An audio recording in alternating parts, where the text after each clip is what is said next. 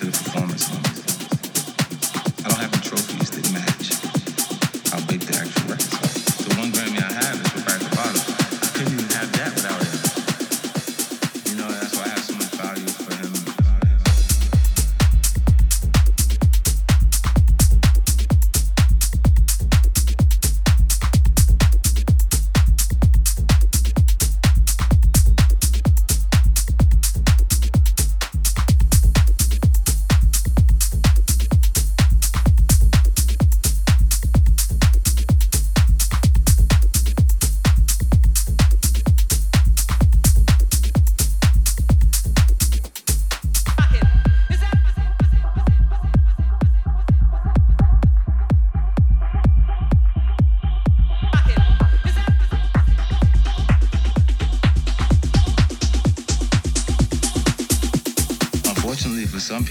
tough to accept that you got a white artist that does it better than black artists.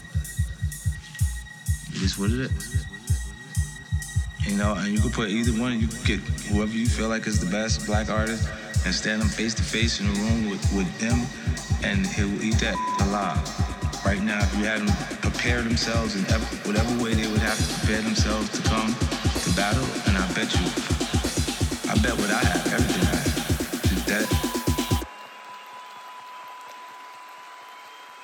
unfortunately for some people, it's tough to accept that you got a white artist that does